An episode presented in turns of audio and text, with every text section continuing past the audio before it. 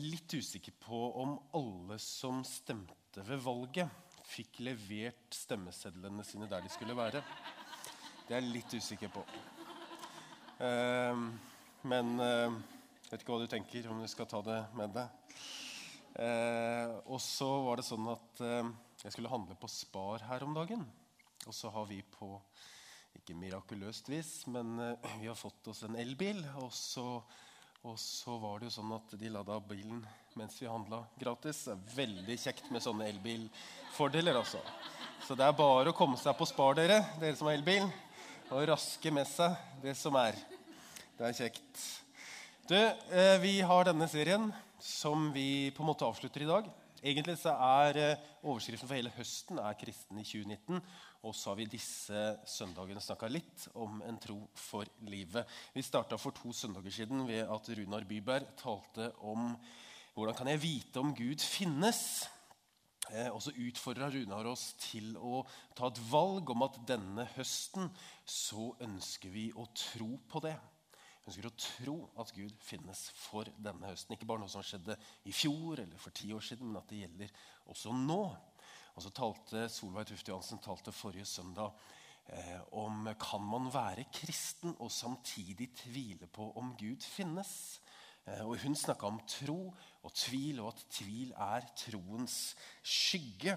Og at det er ikke uvanlig å ha troskriser i livet. Det er ganske normalt. Og at disse troskrisene faktisk kan hjelpe oss til å komme ut på den andre siden sterkere som menneske og sterkere i troen vår. Og I dag så skal vi da avslutte, eh, fordi neste søndag så er det konfirmantpresentasjonsgudstjeneste. og I år er det jo 42 eh, konfirmanter, som er rekord. og Derfor så blir det mye folk her.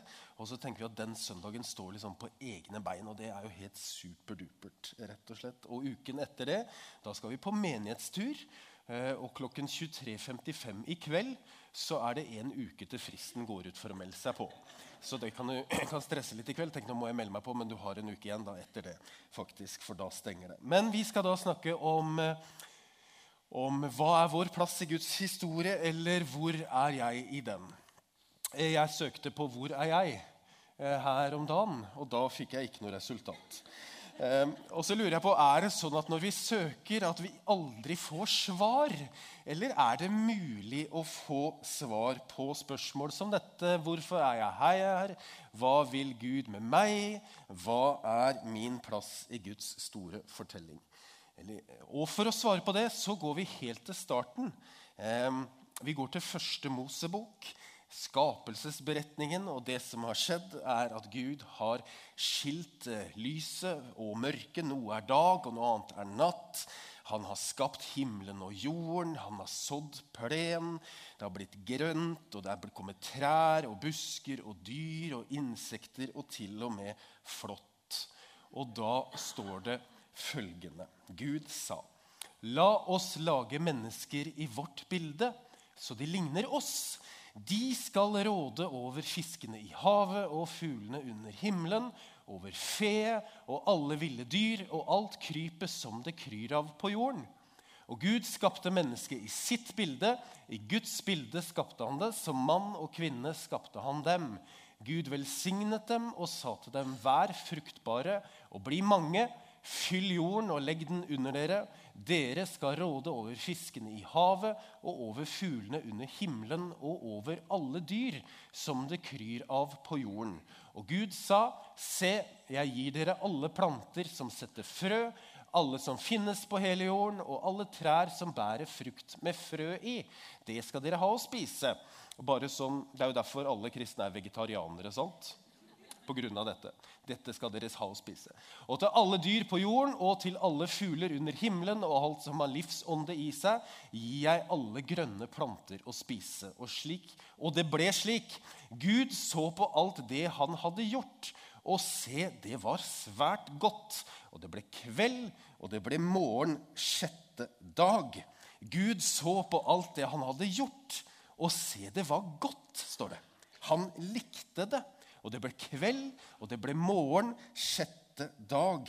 Tenk at Gud syntes at det han skapte, at det var godt.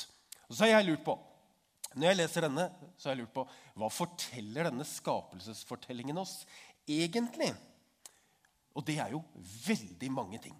Og Derfor skal jeg si veldig mange ting de neste 25 minuttene. tenker jeg. Og Det første er at Gud har, Oi, der kom det mye på en gang. Gud er en god og kreativ skaper. Det er det første. Han er god, og han er en kreativ skaper. Han skaper frø, og han skaper planter og dyr. Han blomstrer over av kreativitet og skapervilje. Det vil han. Og så er det sånn at han, han er kreativ, men han snakker jo ikke bare om det, men han gjennomfører det og gjør det som han har tenkt. Det andre er at han skapte mennesket i sitt bilde. Og Der står det at han skapte oss til kjærlighetsrelasjoner. Fordi Gud er kjærlighet. Og vi er skapt til å leve i kjærlighetsrelasjoner med hverandre og med Gud. Og så er vi skapt kreative og tenkende. Og hva betyr det? Jo, det betyr det at Gud har skapt oss til å være hans medskapere på jorden for å skape samfunnet vårt og den kulturen vi lever i. Det betyr at vi er gitt et, et sånt delegert ansvar for jorden. Og så står vi ansvarlig overfor Gud. Det betyr at vi har fått et mandat. Det står i skapelsesberetningen til å være fruktbare og fylle jorden. Og det å være forvaltere, gode forvaltere og gartnere og ledere i skaperverket. Det er vi gitt et mandat til. Og så er vi gitt et mandat til å nyte godt av jordens og livets velsignelser. Det er vi gitt et mandat til. Nummer tre da, det er at Gud vil at alt i hans skaperverk skal blomstre. Fordi han er til stede i skaperverket. Han er sammen med oss i sitt skaperverk. Og grunnmuren er jo blomstring, vekst, utvikling, kreativitet, farger og nye ting. Og så er det jo litt artig da, at uh, når han skapte gresset, så skapte han det på en sånn måte som gjør at når vi har robotklipper hjemme De av dere som har det Jeg klipper jo, jeg har jo manuell. Men, men så gjør det det at den trenger jo ikke gå hver eneste dag. Det er ikke sånn at gresset vokser 100 cm, så vi må klippe hele tiden. Men han har skapt det sånn at det er liksom, vi kan klippe en gang i uka ca. Fred og harmoni. Det er fint. Og så Av og til så kan man bli litt usikker på om det er noe galt som har skjedd. For det er jo ikke alltid Hoppa over der òg, vet du. Det kan jo hende at man er litt usikker på hva som har skjedd. Når man har forsøkt å forvalte skaperverket eller skape nye ting. Fordi vi alle gjør jo ting som ikke blir helt sånn som vi hadde tenkt og planlagt. Jeg ser at ikke dere helt skjønte det bildet. Men det er greit, det altså. Jeg har ledd mange ganger av det bildet der. Ja, det, og tenk på han stakkars Jeg vet ikke hva det er. Kanin eller hva Nei, det er jo ikke kanin. Til stille, Martin. Det er greit. Det siste, eller fjerde, er at Gud setter gjennom skapelsesfortellingen det gode liv innenfor en ramme. Og Poenget med skapelsesberetningen, at den har syv dager, er jo ikke for at du skal se på det som et naturvitenskapelig forklaring på hvordan jorden er kommet til. Men det handler om at Gud vil fortelle oss at det er en ramme for noe som er viktig for hva det gode liv er. Et fellesskap med Gud hvor det er balanse, en rytme, en veksling mellom tro eller mellom arbeid, hvile og tilbedelse. Derfor syv dager å hvile. Det siste blei veldig langt, så jeg når jeg skrev det. Men, men, der står det at skapelsens teologi hjelper oss som vil følge etter Jesus, til å forstå at vi ikke bare er sendt til verden for å forkynne frelse og evangelium. Det er på en måte, det er mer enn det. Det er det, ja. Men det er mer enn det. Altså, Vi er sendt for å være medskapere, det er for å skape samfunn. Eh, samfunnet vårt, kulturen vår, glede oss i skaperverket. Det står jo faktisk her, tror jeg, et lite hurra. Eh, at arbeid, lek og fritidsaktiviteter, det vil Gud at vi skal glede oss over. Er ikke det flott? Hurra. Og så tenker du nå men Dette ble jo veldig positivt.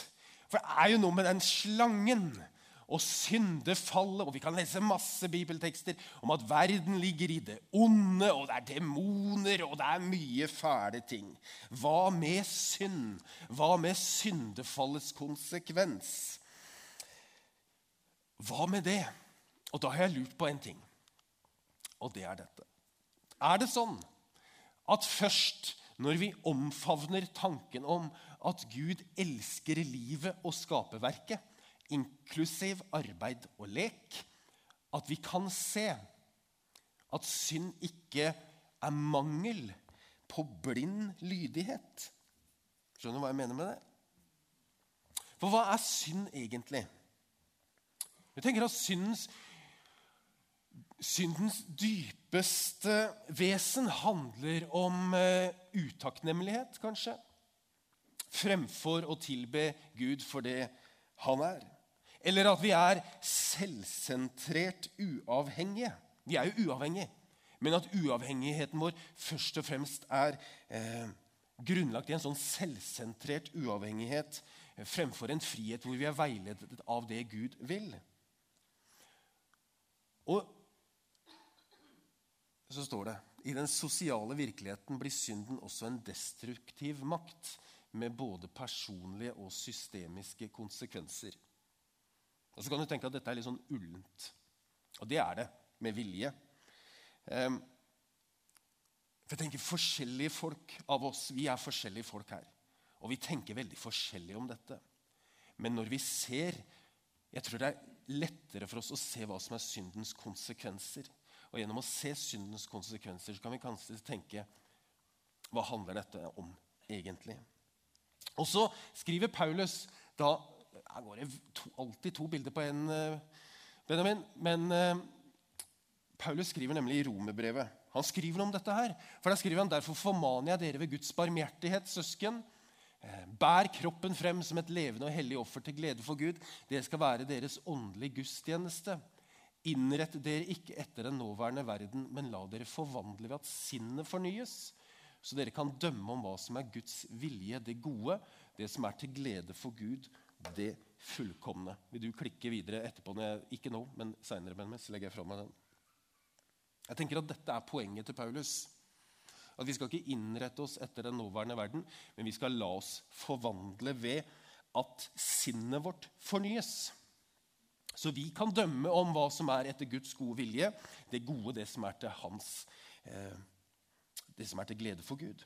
Og Det handler om at vi må utvikle en sånn dømmekraft for å skjelne mellom hva som er godt, og hva som ikke er det. Det handler om en sånn finjustering. Ofte så er jo det letteste å være veldig sånn sort-hvitt. Det er det, eller så er det det. Det er jo det letteste.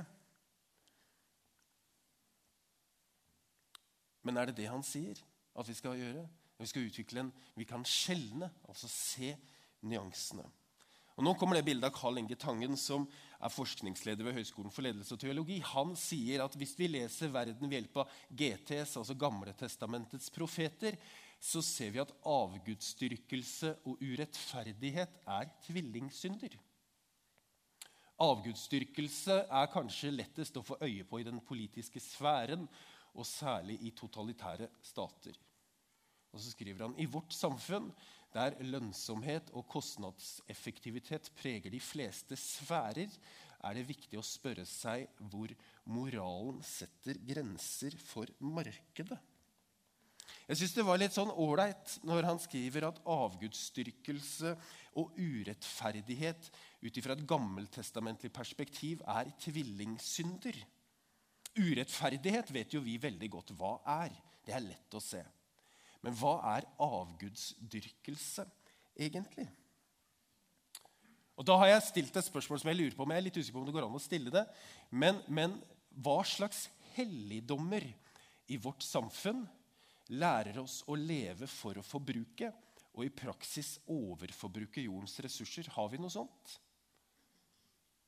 Det, har vi noen sånne avguder som eh, lærer oss det. Hvordan, hvordan, forholder vi oss til det? Er det ikke fint at dere skal snakke om dette i smågruppene deres? Det er veldig bra. Ok, Jesus han forkynte én ting.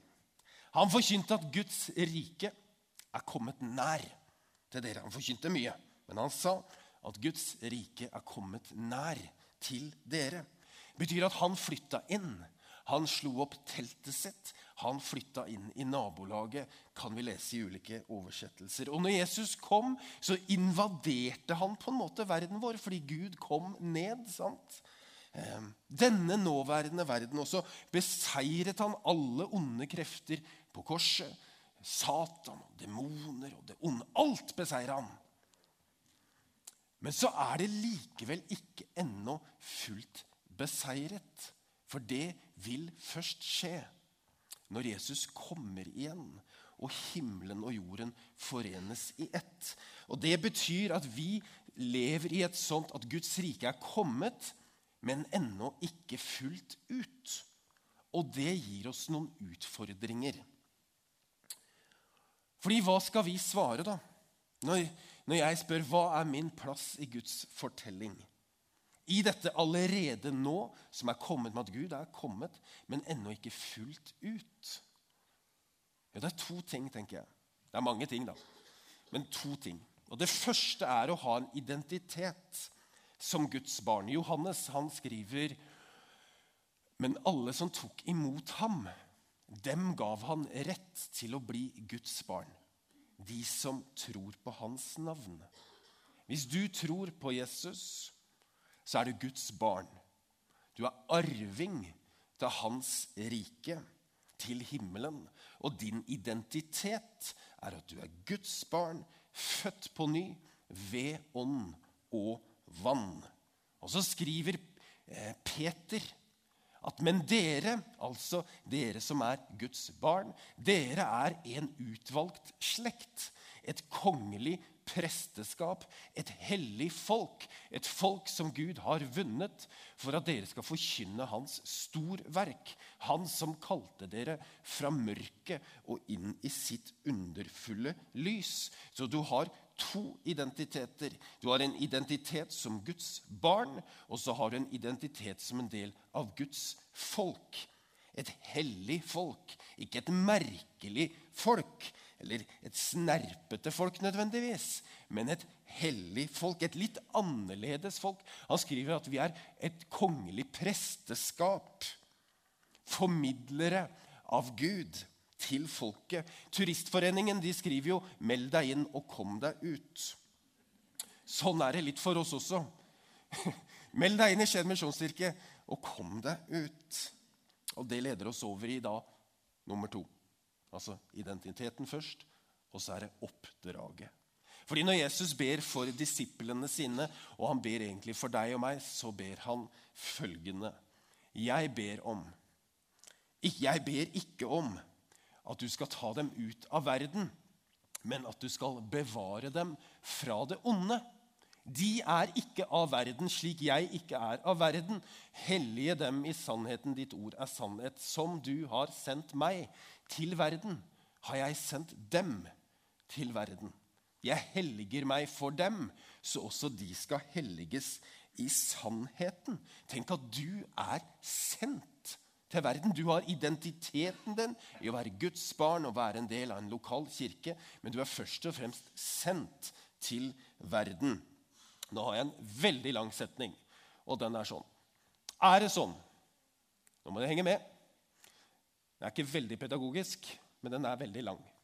Er det sånn at dersom vi skal forstå hva min eller vår plass er i verden, og hva det betyr å ha et kristent samfunnsengasjement, så må vi forstå at Gud både vil helbrede, som betyr å gjøre hel, for å lede mennesker til frelse, og for å fornye menneskelig livsutfoldelse, fordi han elsker alt han fortsetter å skape.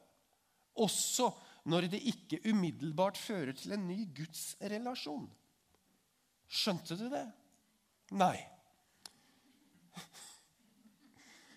Snakk om Det igjen? Det det handler om, det er at vi er sendt til verden for å involvere oss i verden.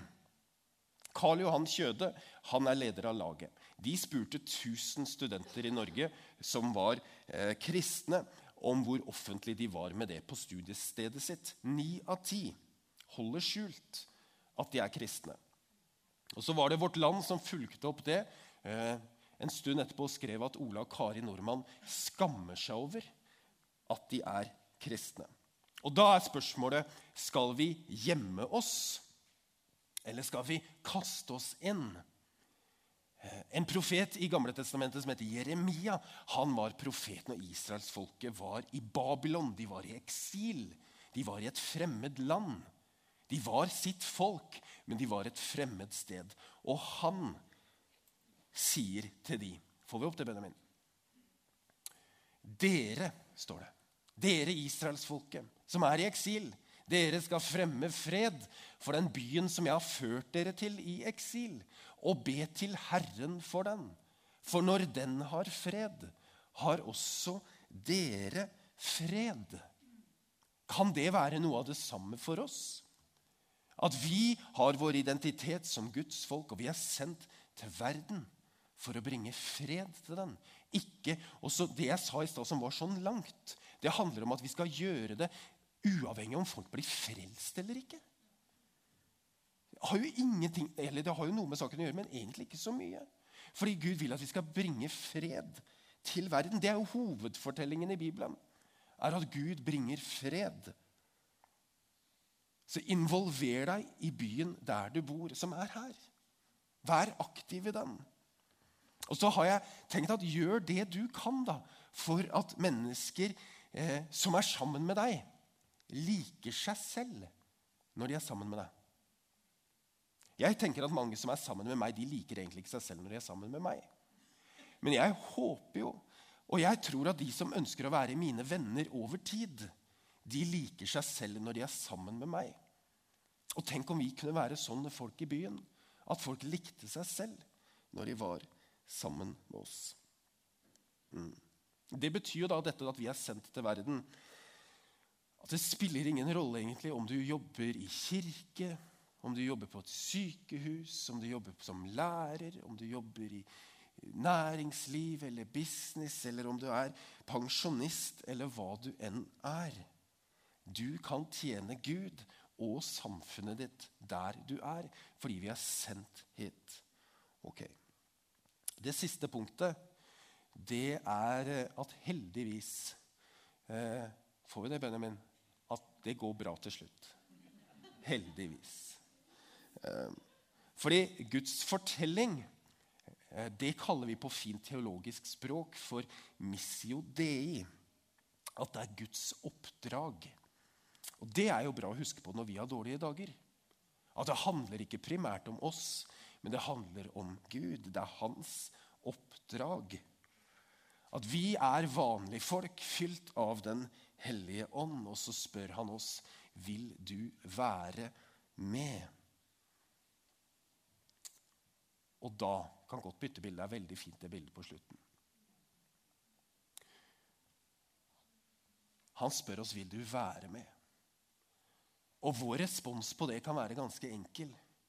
Han sier 'Tusen takk, Herre. Det har jeg lyst til å være med på.' Å være med på ditt oppdrag. Og da svarer Gud, 'Vær så god. Det får du lov til.' Det vil jeg gjerne.